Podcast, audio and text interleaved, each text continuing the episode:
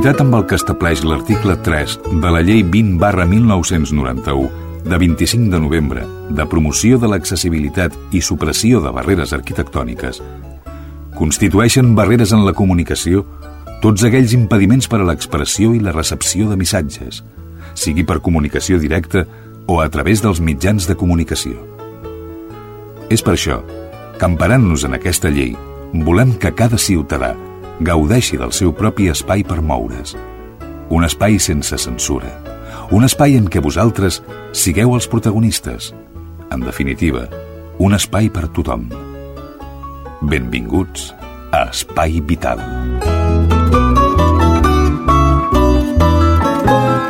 Senyores, senyors, què tal com estan? Benvinguts, ben trobats a la sintonia d'Espai Vital. Recordin Espai Vital, un programa que treballa, parla de la discapacitat i les malalties cròniques. Teresa Diviu, per deferència, que ja la tinc al meu costat. Bon dia. Bon dia a tothom. Alfredo Ángel Cano i Jordi Puy, que es troba al control tècnic, i qui els parla, Xavi Casas, amb nom d'Espai Vital. Estàs escoltant Espai Vital.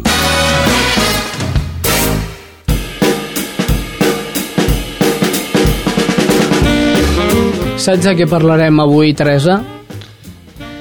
M'has dit d'un col·legi, no? Avui d'un col·legi, d'un col·legi i, i dels nanos que estan al col·legi, però nosaltres no en parlarem No, d'això. no, nosaltres... Eh? Avui fa calor. L'Anna Ballesta, avui, avui fresquet, fresquet.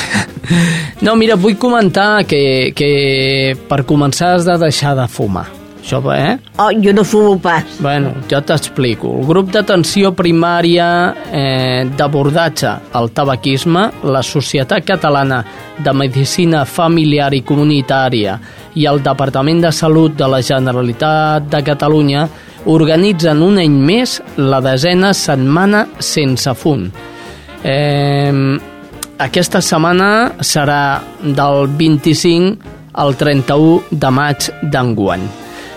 Aquest any el lema és La vida sense fum té més bon gust. La vida sense fum té més bon gust. És veritat, això. Home, Eh? poses un carmelet a la boca i, i t'hi fa la mateix efecte. Sí? molt bé, doncs, amb aquest lema, la vida sense fum té més molt gust, eh, més, més bon gust, com ho he dit. Sí, més bon gust el menjar té i el veure més totes les bon gust, sí senyora, sí. Us diré que a tots els centres d'assistència primària ja podeu trobar una papaleta eh, en la que us explica una mica més de què va aquesta campanya i com ho heu de fer aquelles persones que vulgueu deixar de fumar i no pugueu per vosaltres mateixes. Sí, això sí, és veritat, han de tenir una mica d'ajuda. Sí, eh, hi ha medicaments que permeten per una part això i hi ha teràpies Teràpies i després també hi ha... S'ha de tenir molta voluntat pròpia. Sí, senyora. Molt bé, així com jo un dia vaig deixar de fumar, vosaltres podeu fer-ho. El meu marit també ho va deixar, va dir jo ho deixo i ho va deixar amb el tabaco a la butxaca i al metgero i ho va deixar i no va provar mai més. Això vol dir que té molta força de Molta, voluntat. molta en té. Perquè a mi en aquell moment em deixes el tabaco a la butxaca i al metgero I vas fumant. i jo no deixo de fumar. Molt bé, senyor, doncs amb aquesta premissa deixin de fumar que arriba la setmana sense fum. I des d'Espai Vital volem que cada cop hi hagi menys gent fumadora. I aplaudim la mesura, mm, l'única mesura que podem aplaudir des d'Espai Vital que el govern eh, està a punt de, de fer.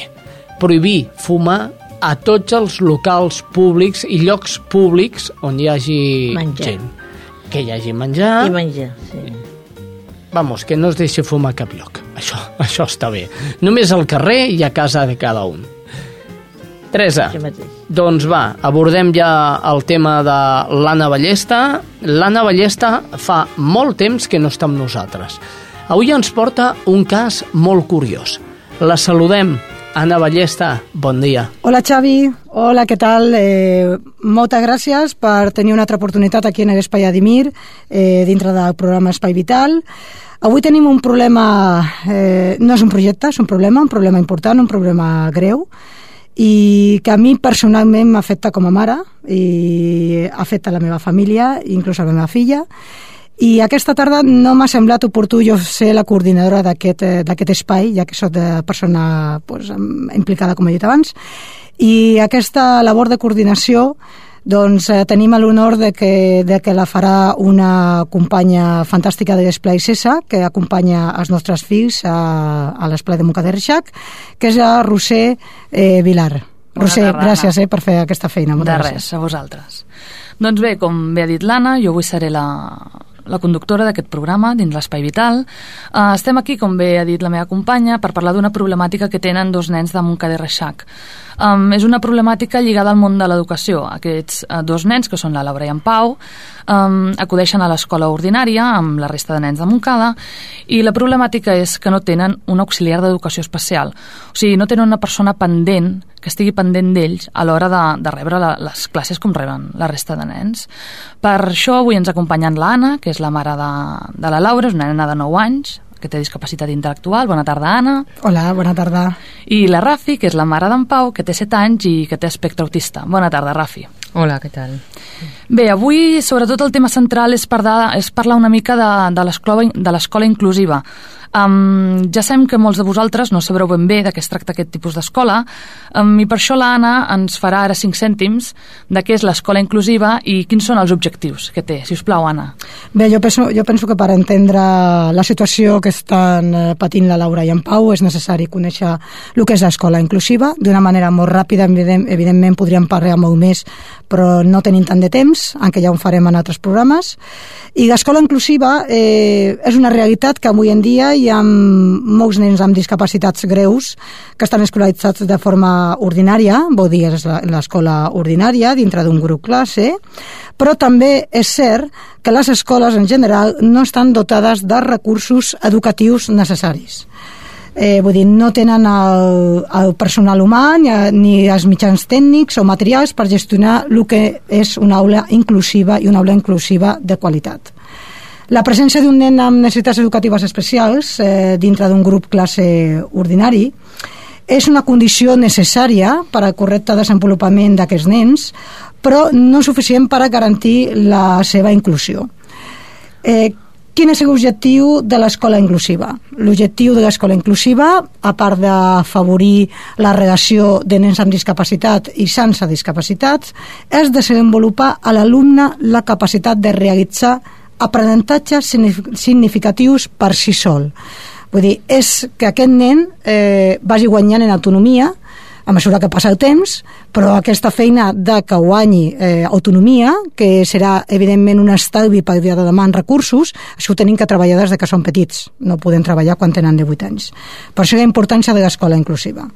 Tenim que aclarar també que l'escola inclusiva no és eh, endarrerir el projecte educatiu o el currículum general de grup classe, és una cosa que hi ha molts pares que tenen molta por, no té, no té res a veure, no és veritat això, és bueno, és un mito, un mite que hi ha, però no és cert, eh, sinó que el que fem és eh, adaptar el currículum general dels nens segons la capacitat del nen amb discapacitat. Que vol dir que no és que deixin d'aprendre el que han d'aprendre, mm. -hmm. sinó que ho fan tots junts. Ho fan tots junts i el nen amb necessitats especials ho fa a la seva mida amb el seu material adaptat. Això és, això és important de remarcar, que el currículum Sí. dels nens de la resta de la classe no, no queda endarrerit. No queda endarrerit, no es fa una adaptació de tot el grup classe perquè aquest nen pugui aprendre a la seva mida, no. Aquest nen fa un currículum, un currículum paral·lel, eh, adaptat, però eh, mm, fa les mateixes activitats que la resta. Vull dir, si la resta fa matemàtiques, ell farà matemàtiques, però ho farà al seu nivell, Al seu ritme. al seu ritme.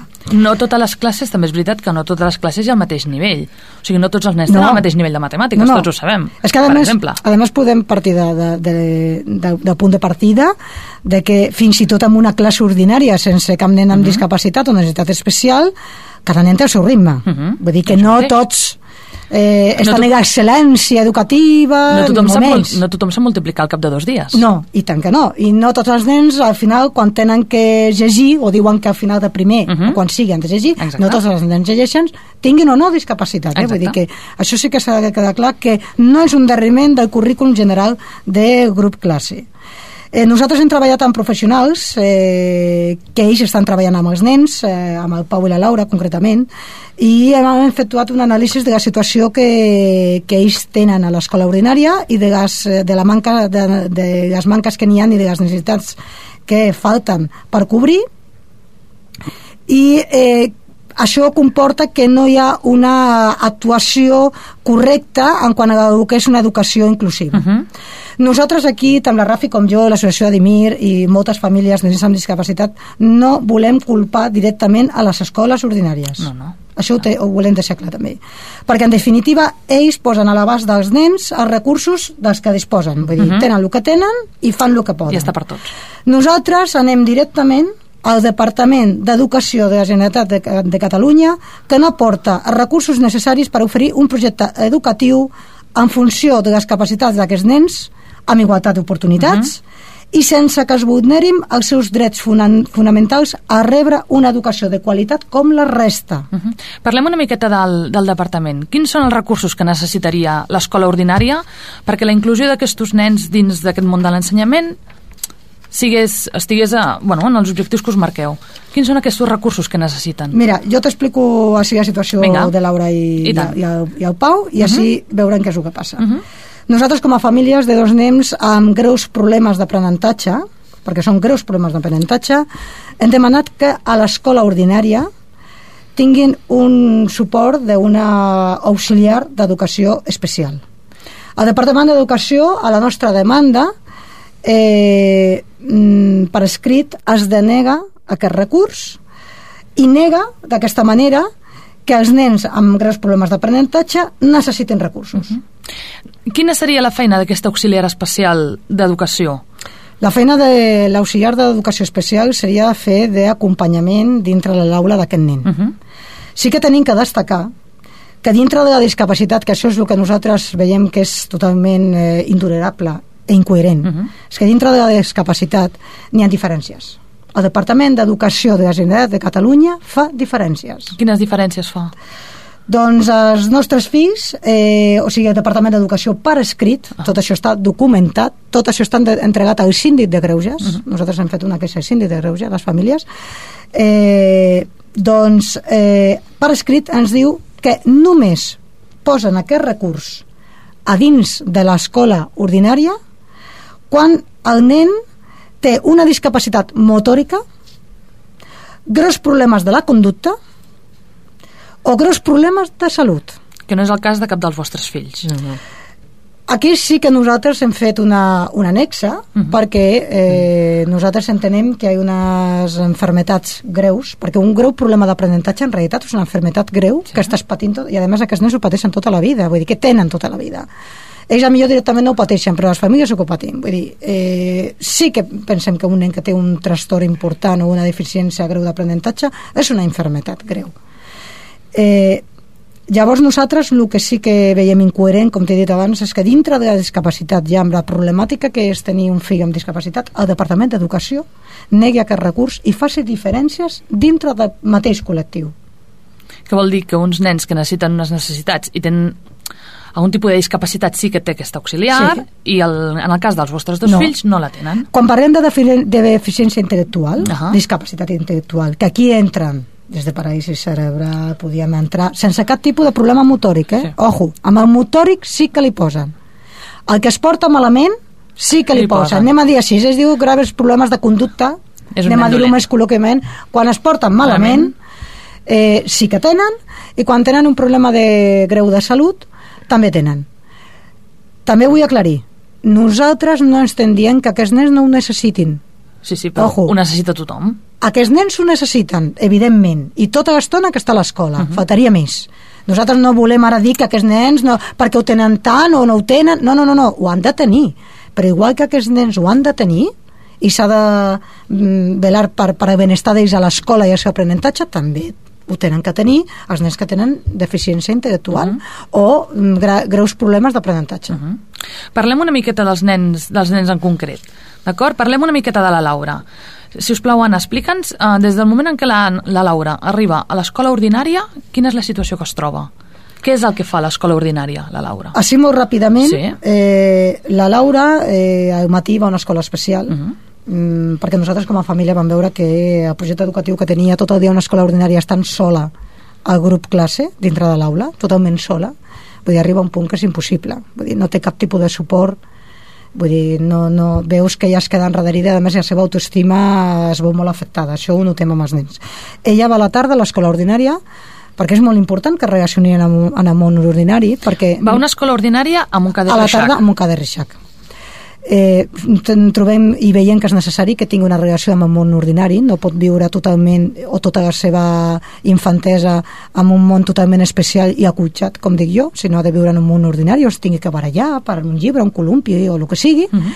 i ella va a la tarda, però a la tarda quan està dintre de l'aula la, ordinària eh, no té cap tipus de suport això vol dir que ella està, està, a la, està, està a la seva taula, està a la, la seva cadira, taula com un altre nen sí, més. està sola, sense cap, nin, cap persona està... que li expliqui d'alguna manera més a les seves capacitats sí, què és el que s'ha sí. de fer.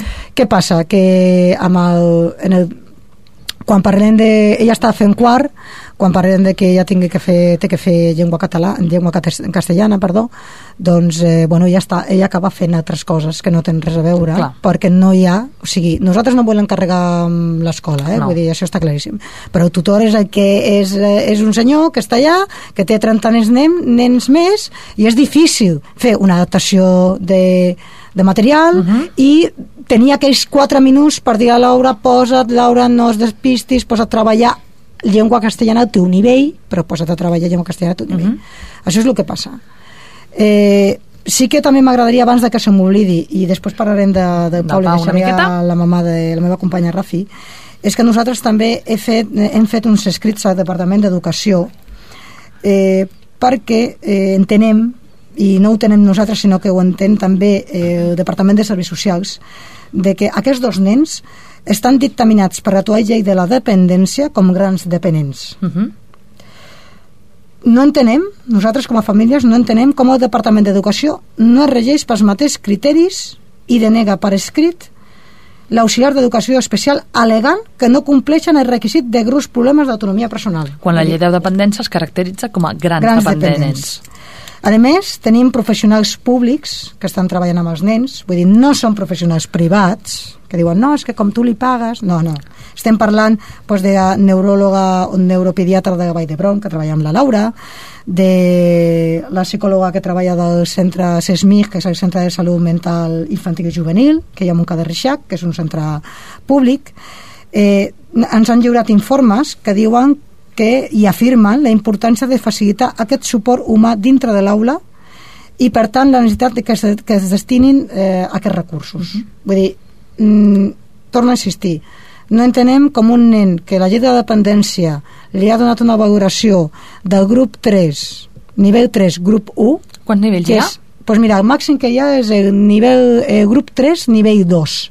I vosaltres esteu al 3, nivell 1? Nivell 1. El que ve us falta un, grup, un nivell, no?, per es passar. falta un nivell, i ojalà no tinguessin que tenir, eh? perquè la veritat és que jo, com sempre, jo regalaria recursos, els diners, la llei de dependència, tot el que faci tot, tot, tot, tot, tot el que comporta la meva filla, no? Però no és el cas. El cas és el que hi ha i el que s'ha de ser és coherent. Uh -huh. S'ha de ser coherent. I si la llei de la dependència diu que aquests nens són grans dependents i necessiten suport per fer moltes de les, de les seves activitats, no és possible, no és raonable, no és coherent que després a l'escola diguin que precisament no ho necessiten. Teniu tota la raó. Rafi, parlem un, una miqueta del Pau. Explica'm, si us plau, explica'ns a tots una miqueta. El Pau també va a l'escola ordinària, va a una, a una, escola, a una escola diferent de la Laura. Sí, i, però aquí també a Montcada Reixac. També a Montcada Reixac. Explica'ns, des del Pau, en el moment en què en Pau arriba a l'escola, quina és la situació que es troba? Eh, bueno, Pau en este momento en el colegio tiene una UCE, una unidad de soporte educativa. Eh, él está la, a ver, la mayoría del tiempo está compartiendo clase con los demás niños, él y la tutora.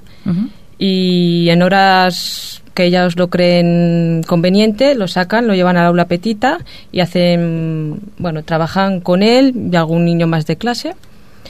Pero a ver, ahora Pau está en P5, el año que viene entrará en un primero y creemos que este paso de etapa eh, es conveniente que le pongan la valladora mm, dentro que la profesora no se encuentre sola con 25 niños i ell.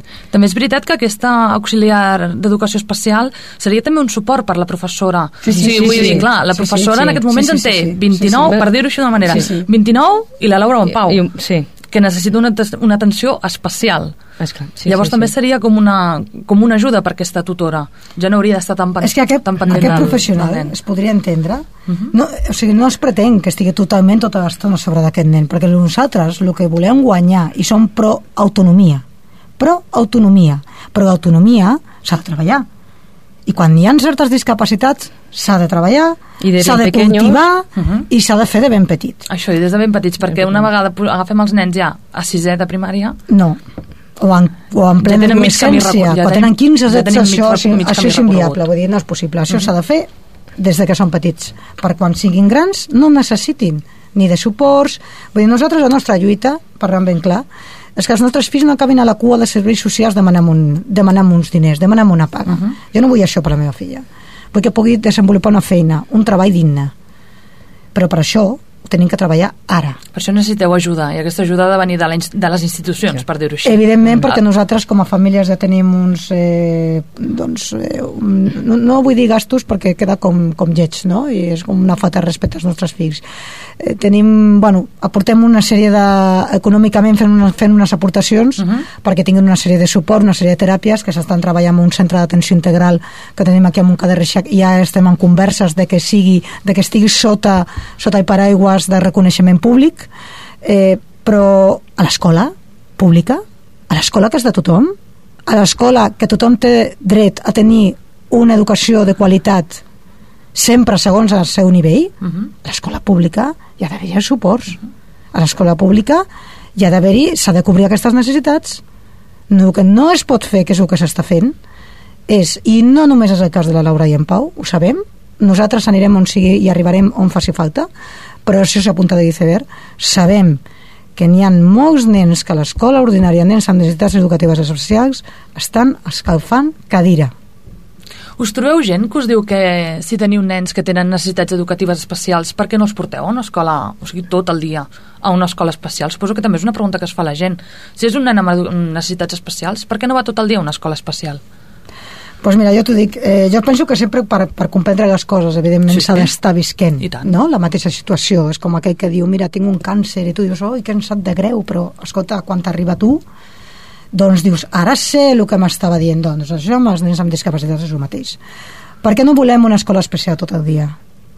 Si nosaltres el que volem és autonomia, el màxim d'autonomia a cada nen, és possible que aquest nivell d'autonomia es guanyi quan t'estàs movent constantment en un món es especial que és fictici. Que els hi donen molts recursos, estan tots allà molt bé, colònies especials, esplais especials... No, no, però, a veure, aquests nens que amb necessitats especials, cadascú té la seva, i no hi ha la mateixa interrelació i la mateixa interactivitat i comunicació que amb un grup ordinari, això és evident.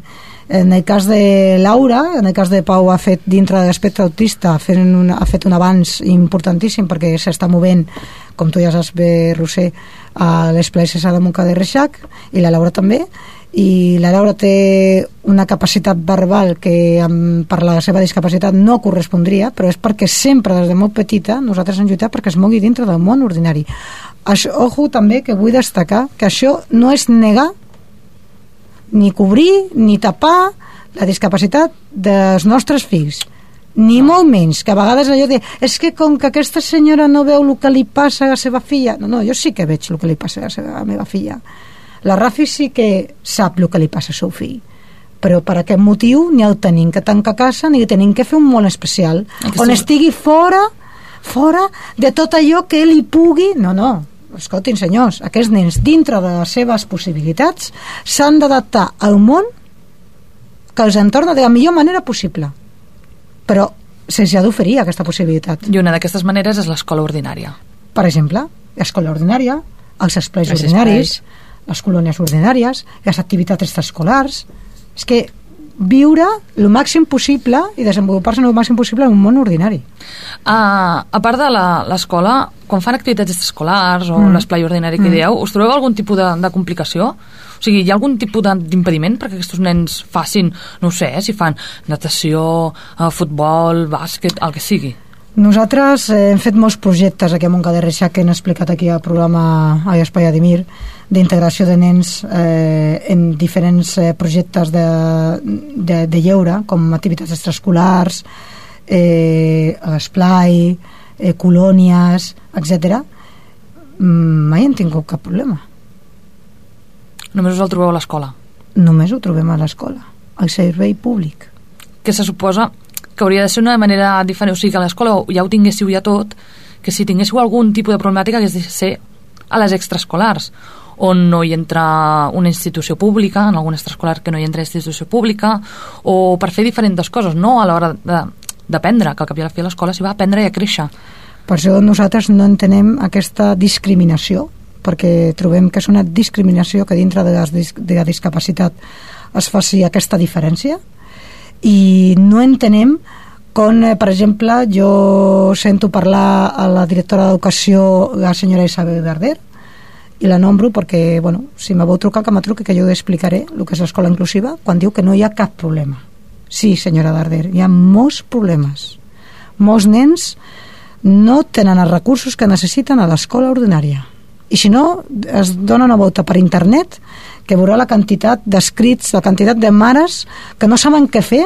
A mi m'han arribat, arribar, m'han arribat eh, correus, eh, Roser, que se te posa la pell de, de, de, De gallina, no? de, de gallina o de pollastre, o digue-li com vulguis, perquè és al·lucinant el que s'està consentint.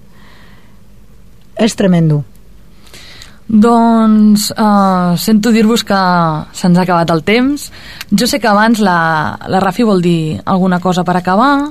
Eh, Sí, sí. Rafi, si us plau, si... Bueno, queríamos aprovechar este espacio para agradecer muy sinceramente todas las muestras de apoyo y cariño que hemos recibido, los escritos dirigidos a la página web de la Asociación Nadimir para apoyarnos en nuestra demanda y las firmas recogidas, Mhm. que son más de, de mil. Pues mira, portem 1.200, quasi 1.300. Ujú.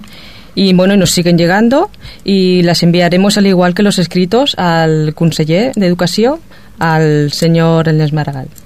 Doncs tots vosaltres qui vulgui col·laborar amb Adimir i perquè aquests nens puguin, puguin anar a una escola inclusiva i puguin tenir aquest auxiliar especial d'educació, demanem, si us plau, que bueno, podeu entrar a la seva pàgina web, és http dos punts bar- barres adimir.moncada.cat repeteixo, és http dos punts dues barres adimir.moncada.cat hi ha un apartat que és el contactar i allà podeu fer els vostres escrits demanant, si us plau, que, que el Pau i la Laura puguin acudir a, a l'escola inclusiva moltes gràcies, Rafi, per haver vingut Venga, gracias. Jo volia dir, eh, Roser, només per acabar, Sí, que Anna? volem donar les gràcies des del cor a totes aqu- aquestes persones anònimes que s'han fet arribar els seus escrits a la nostra web. Per Facebook també ens ha fet arribar molts escrits i gràcies sobretot perquè ells no ho poden fer encara. El dia de demà pensem que sí que ho podran fer perquè seran nens no diré 100% autònoms perquè és difícil, però molt autònoms. Gràcies en nom de la Laura i gràcies en nom del Pau. Moltes gràcies. Jo només espero poder tornar a presentar aquest programa amb la notícia que tots dos puguin anar a una escola inclusiva. Moltes gràcies. Moltes gràcies, Roser. Gràcies. gràcies.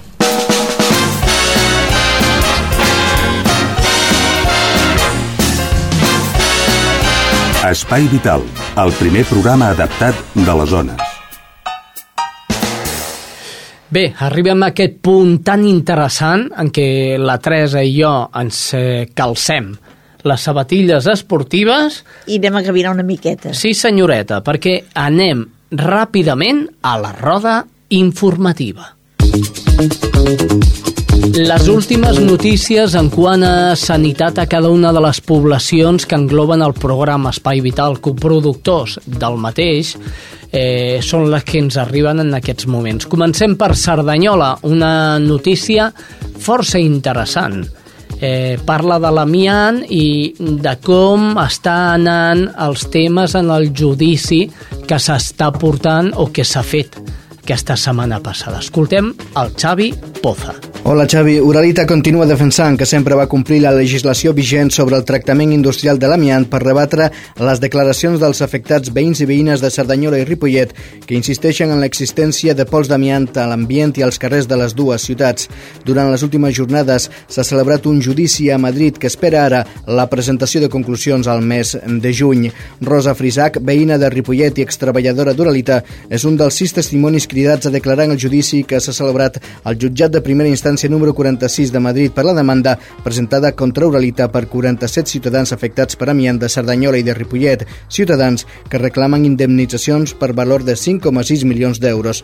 Rosa Frisac va explicar al jutjat com afectava la presència d'Uralita a tot el barri amb sacs de fibrociment al carrer, com sortia la pols de la fàbrica i com s'acabaven asfaltant els carrers xafant les restes de fibrociment que s'acabaven estenent per l'aire amb la pluja, el vent o el pas de vehicles. Uralita defensa que sempre va complir la legislació vigent sobre el tractament industrial de l'amiant i que, segons un informe de l'Acadèmia Francesa de Medicina, l'exposició que pugui tenir una persona en una atmosfera urbana amb una baixa presència d'amiant no suposa perill. Per la Rosa Frisac, els arguments i proves documentals aportades al judici pels ajuntaments de Cerdanyola i de Ripollet i especialistes de prestigi com el doctor Josep Tarrés són prou eloqüents. Frisac recorda perfectament la presència de l'amiant al carrer, la polseguera que s'aixecava en dies de vent i l'absoluta manca de mesures de seguretat que feien possible que moltes famílies de treballadors celebressin improvisats esmorzars o dinars envoltats de fibrociment ja no era solament als voltants de, de la fàbrica, és que com feia vent, doncs és que era per tot arreu. Era com un núvol que sempre estava. Ja ho recordo molt bé, vull dir, jo soc una persona gran i, i, i, i recordo perfectament com eren els carrers. A més, jo anava a veure el meu pare a la fàbrica els diumenges, que això ho vaig dir-ho jo ahir, i, i els diumenges feien neteja i a més a més és com buidaven aquests sacs d'amiant que estaven als patis descoberts, els buidaven amb uns contenidors per llavors entrar-los a fabricació i els nens i les, i, i, i les dones anàvem i, i esmorzàvem allà tots junts, arrepenjats als sacs. Vull dir, a part de tot, que, de tot el que estava pels carrers, vull dir, que això ho hem viscut, jo dic que tot Cerdanyola i Ripollet. Cerdanyola i Ripollet han tancat files amb els afectats. Entre els testimonis que han presentat figuren l'alcalde de Ripollet, Juan Paralejo, l'exalcalde de Cerdanyola, Antoni Morral, o el pneumòleg i actual regidor de Cerdanyola, Josep Terrés. Els testimonis han coincidit a declarar que la fàbrica d'Uralita tenia extractors que treien pols a l'exterior, que els residus es dipositaven a l'aire lliure i que als anys 70 i 80 es van utilitzar plaques de fibrociment sobrant per asfaltar els carrers. Després de tres sessions, el judici queda a l'espera de les conclusions finals que es presentaran al mes de juny i sobre les quals haurà de decidir el jutge. Això és tot des de Cerdanyola. Fins la setmana vinent. Fins la setmana vinent, Xavi. Aquestes conclusions, quan arribin, esperem poder eh, donar-les en aquest programa. Molt bé, de Cerdanyola cap a Ripollet, la responsable d'informatius de Ripollet Ràdio, la Rem Herrera, ens en fa 5 cèntims. Salutacions des de Ripollet Ràdio. Aquesta setmana s'ha donat a conèixer un conveni signat entre l'alcalde de Ripollet, Juan Parralejo, i el jutge de Pau, Pere Soms. Es tracta d'un acord de col·laboració entre aquest organisme i l'Ajuntament de Ripollet sobre el programa de mediació ciutadana. L'objectiu del document és que l'Ajuntament, a través d'aquest programa i en col·laboració amb el jutjat de Pau de Ripollet, impulsi, difongui i gestioni la mediació com a mètode de resolució de conflictes. Per la seva banda, el jutjat de Pau promourà la mediació en tots els casos en què s'estimi oportú i adient per les parts en conflicte derivant-los a l'oficina de mediació. Si les parts mostren la seva voluntat d'iniciar la mediació i manifesten el seu desig de ser ateses en el marc d'aquest servei, el mediador informarà el jutjat de pau sense necessitat que se celebri cap judici. El procés no tindrà cap cost per a aquestes persones, ja que el propi Ajuntament assumeix l'import de les mediacions. Per contactar amb el programa de mediació, cal concertar hora al telèfon 93 504 60 24. I això és tot per avui. Fins la setmana vinent. Gràcies, Rem Herrera. Anem corrents cap a la població de Montcada. Allà es troba Montcada Ràdio i la persona que ens du la crònica fins als estudis d'Espai Vital és Sílvia Alquézar. Hola, salutacions des de Montcada, l'Espai Vital. Avui ens dediquem a les dones perquè Montcada celebra des del 26 de maig el Dia Internacional d'Acció per a la Salut de les Dones. L'efemèride va sorgir a partir d'una reunió de la Xarxa Mundial de Dones pels Drets Reproductius que es va celebrar el 1987 a Costa Rica i va proposar aquesta data per a la mobilització i la reivindicació de la salut i de la qualitat de vida del col·lectiu femení. Respecte a les activitats a Montcada, divendres 28 tindrà lloc la projecció de la pel·lícula ¿Qué he hecho yo para merecer esto? de Pedro Almodóvar a les 5 de la tarda al casal de la gent gran Casa de la Mina. El dia 2 de juny, la psicòloga Eva Rodríguez, de l'Associació Espanyola contra el Càncer, oferirà una xerrada sobre els aspectes psicosocials del càncer de mama a la Casa de la Vila a les 6 de la tarda. Un dia després, el 3 de juny, el mateix escenari acollirà la presentació del llibre Mujeres, Salut i Poder, de Carme Valls. A tot això, fins al 4 de juny es pot visitar el Cursal de Can Sant Joan l'exposició Heroïnes, que mostra una dotzena de fotografies de dones que han patit càncer de mama. Segons la regidora de Dona Igualtat, Maria Teresa Gallego, amb tot aquest programa es vol posar en evidència que la salut també s'ha de tractar des d'una perspectiva de gènere perquè les dones i els homes tenen formes diferents d'emmalaltir. Doncs bé, això és tot. Fins la setmana vinent. Gràcies per, per aquesta crònica que ens arribava de Montcada i anem cap a Barberà. Allà es troba Judit González. Salutacions des de Ràdio Barberà.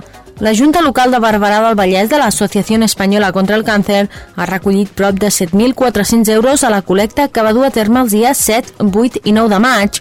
Durant aquests tres dies, la Junta Local de Barberà del Vallès va instal·lar diverses paradetes al Mercat Municipal 11 de setembre, al Centre Comercial Baricentro i a la plaça de la Vila per tal de recollir diners per col·laborar i continuar lluitant contra la malaltia. Des de la Junta local es valora de forma molt positiva aquesta resposta per part dels barbarencs i barbarenques. Aquests diners, recordem, aniran destinats al desenvolupament de programes d'ajuda psicològica i de suport als malalts i malaltes de càncer i familiars, així com la investigació de la malaltia, entre altres activitats en què l'Associació Espanyola està participant. A aquesta xifra encara cal afegir-li els diners recaptats a les dues representacions de l'obra de teatre Iglú de Toni Cabré, interpretada pel grup 5 més 1, en benefici de l'Associació de Persones Malaltes del Càncer al FAR i l'Associació Espanyola contra el Càncer. Gràcies, Barberà. I anem ràpidament cap a Santa Perpètua de la Moguda. A Ràdio Santa Perpètua, la responsable d'informatius es diu Estrella Núñez. Hola, salutacions des de Santa Perpètua per l'Espai Vital. La Federació d'Entitats de Discapacitats del Vallès, FEDISBA, torna a organitzar al nostre municipi, a Santa Perpètua, la seva festa trobada, que enguany arriba a l'onzena edició. L'activitat tindrà lloc dissabte 29 de maig a partir de les 5 de la tarda al Parc Municipal. Alguna de les reivindicacions que es faran a la festa tenen a veure amb la millora del transport públic per a discapacitats i l'eliminació de barreres arquitectòniques amb la integració del col·lectiu i la millora de les seves oportunitats. Tanmateix, la festa serveix serveix per recordar les dificultats que té aquest col·lectiu per aconseguir llars i residències que puguin garantir la seva independència i vida adulta. FEDISBA es va crear l'any 1999 amb l'objectiu d'unir totes les associacions de discapacitats del Vallès. L'onzena festa de trobada a Santa Perpètua comptarà amb les actuacions d'Amics del Vall, del Centro Cultural Andalut de Mollet i de l'Associació de Discapacitats de Santa Perpètua i de Montornès. Al final de festa està previst cap allà a les 7 de la tarda amb un berenar, una rifa i música disco. Ja sabeu sabeu, tots esteu convidats dissabte 29 de maig a Santa Barpètua. Doncs gràcies, Estrella Núñez. Per últim ja anem cap a Sabadell. La persona que ens du la crònica, que ens porta la crònica, és la Núria Garcia. Salutacions des de Ràdio Sabadell. La novena edició de la Festa Gran de Sabadell es va tancar ahir de nou amb un gran èxit de participació. Des de dimarts passat i fins ahir diumenge, tot un seguit d'activitats han servit per fer un reconeixement als avis que viuen a Sabadell i que participen de manera molt activa de la vida social i cultural de la ciutat. L'espectacle de teatre Escena, un muntatge conformat per diferents fragments d'obres teatrals interpretat per diverses companyies sabadellenques, Blanca's. Va donar el tret de sortida a la Festa Gran 2010, dedicada precisament a les arts escèniques. En aquest sentit, i a banda del teatre dijous passat, també es va fer una projecció del film Jo el desconegut del director Joan Mallarac a l'Imperial. Una història que reflexiona sobre les relacions entre generacions i les vivències dels anys de la postguerra i el franquisme. Sens dubte, però, la proposta més atractiva de la Festa Gran va ser la segona edició de la Fira Sènior, un saló que va va acollir durant tres dies Fira Sabadell i que per segon any consecutiu ha mostrat propostes i serveis per la gent gran.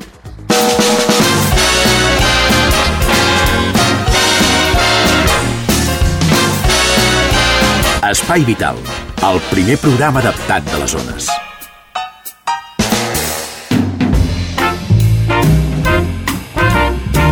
Molt bé, arribat a aquest punt hem d'anar a, a conèixer quines són les notícies més destacades del blog d'Espai Vital.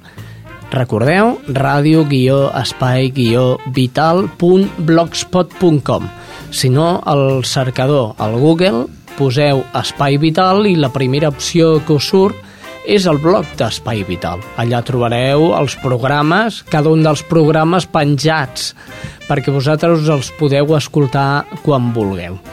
Bé, deia que arribat a aquest punt coneguem quines són les notícies més importants aparegudes al blog d'Espai Vital. Això ens ho porta el nostre amic, el Chiquitín. Hola Xavi, te traigo dos noticias. La primera es la siguiente. La Sociedad Española de Medicina de Familia y Comunitaria ha puesto en marcha la onceava Semana sin Humo, que este año desarrollará con el lema Ponle fecha. Juntos podemos. Ha empezado el 24 de mayo y terminará el 31 de este mes.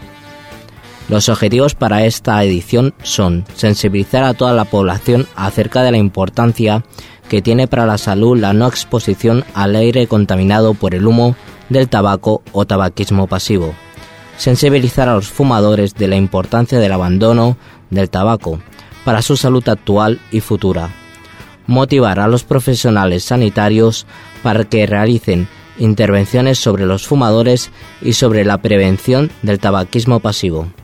Informar a los fumadores de que en su centro, en su centro de salud les podemos ayudar a dejar de fumar. Y por último, divulgar la importancia de la, de la función modélica de todos los profesionales que trabajan en los centros sanitarios.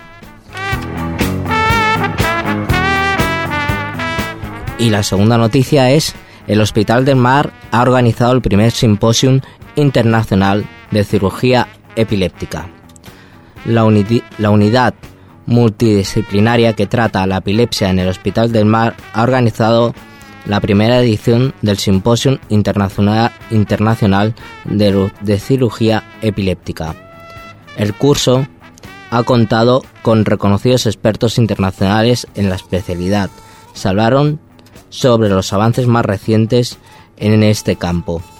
Este simposio ha estado dirigido a neurólogos, neurofisiólogos, neuroradiólogos, pediatras y neurocirujanos ya que el tratamiento quirúrgico de la epilepsia precisa de un tratamiento y de un estudio muy amplio.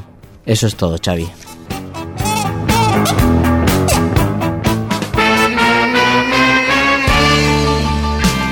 Això és Espai Vital. Després del xiquitín, què us sembla si anem a escoltar la poesia del nostre poeta coix, el poeta coix d'Espai Vital?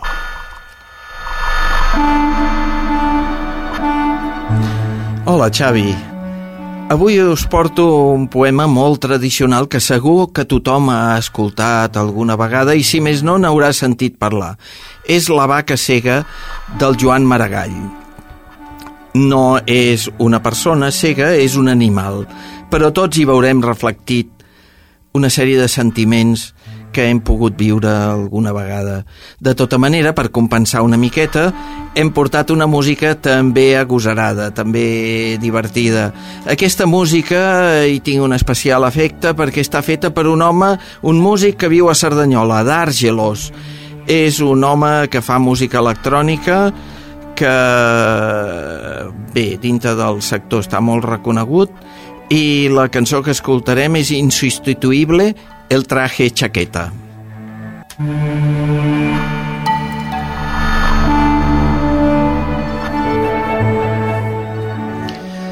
Topant de cap en una i altra soca, avançant d'esma pel camí de l'aigua, se'n va a la vaca tota sola. És cega. D'un cop de roc llançat amb massa traça, el bailet va buidar-li un ull i en l'altre se li ha posat un tel la vaca és cega. Ve a veurar-se la font com en solia, més no amb el ferm posat d'altres vegades ni amb ses germanes, no. Ve tota sola. ses germanes, pels cingles, per les comes, pel silenci dels prats i en la ribera fan dringar l'escallot mentre pasturen l'herba fresca a l'atzar. Ella cauria, topa de morro en l'esmolada pica i recula afrontada, però torna i baixa el cap a l'aigua i veu calmosa. Veu poc, sents gaire set. Després aixeca el cel enorme, l'embanyada testa, fent un gran gest tràgic. Parpelleja sobre les nines mortes i se'n torna, orfa de llum sota el sol que crema, vacilant pels camins insondables, brandant lànguidament la llarga cua.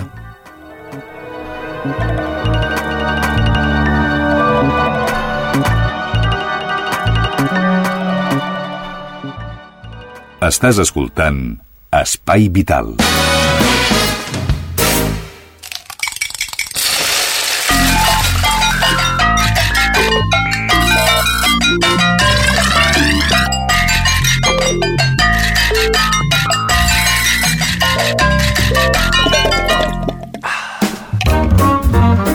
moment de la cuina, és moment de la Teresa Diviu. Teresa, què portes avui? Avui patates amb tonyina i bechamel. Doncs molt bé, ràpidament ingredients. Ingredients, 4 patates, una ceba, 300 grams de tonyina, tonyina 200 grams de tomàquet, doncs posem fregit. Aquí posa natural, deu ser fregit potser. Bueno, doncs fregit. És igual, Tu aquí posa cuinera. natural, sí. Tu ets la cuinera. Posem ja fregit. Molt bé. Després, espera que no m'hi veig. Mm, eh, 100 grams de formatge ratllat, parmesà, sal i oli. I per la bechamel, 50 grams de mantega, 50 grams de farina i 250 mil·límetres de llet. Eh, per començar, Un moment, preparació. Preparació. Aixafem la tonyina amb el tomàquet, ben aixafadet amb un plat, tot aixafat. Molt bé. Quan ho tenim ja preparat, aixafat, ho apartem i posem la patata, allò com si tinguéssim de fer una patata, una truita de patates o patata mal tallada i la ceba també mal tallada. Si voleu, si no podeu tallar-la doncs mira ratllada. Això sí, heu d'anar més al tanto. Poseu la patata, l'oli calent al foc i poseu la, la paella i poseu la patata i la ceba. Aneu-la girant en, en tant en tant perquè no s'escremi la ceba. Si voleu poseu primer la patata que no, i quan a, mi, a mig coure hi poseu la ceba ratllada. I així tot es farà. Quan ho tingueu ja fet aparteu del foc agafeu una plata per anar al forn i aquella plata hi poseu la ceba i la patata allà posada. I poseu també la tonyina i aquell tomàquet d'això a sobre la patata després feu una bechamel poseu oli i mantequilla una paella i desfeu la, la farina i tireu la llet. I que quedi una bechamel i poseu sal. I ho tireu aquella bechamel per sobre la plata que hi hagi aquella patata i aquella, i aquella tonyina. I, i poseu a sobre d'aquella bechamel el formatge ratllat. Ho poseu al forn a gratinar i bon profit, que us vagi de gust Doncs molt bé, poc temps teníem, ja l'hem exaurit. Teresa Diviu, gràcies una A setmana vosaltres. més. Vinga, fins la setmana vinent. Si Déu vol. Porta'ns algú bo. Això ja diré que ho facin. Anem amb una cançó que te la vull dedicar. La Balanguera amb Maria del Mar Bonet. Per tu i per vostès i fins la setmana vinent.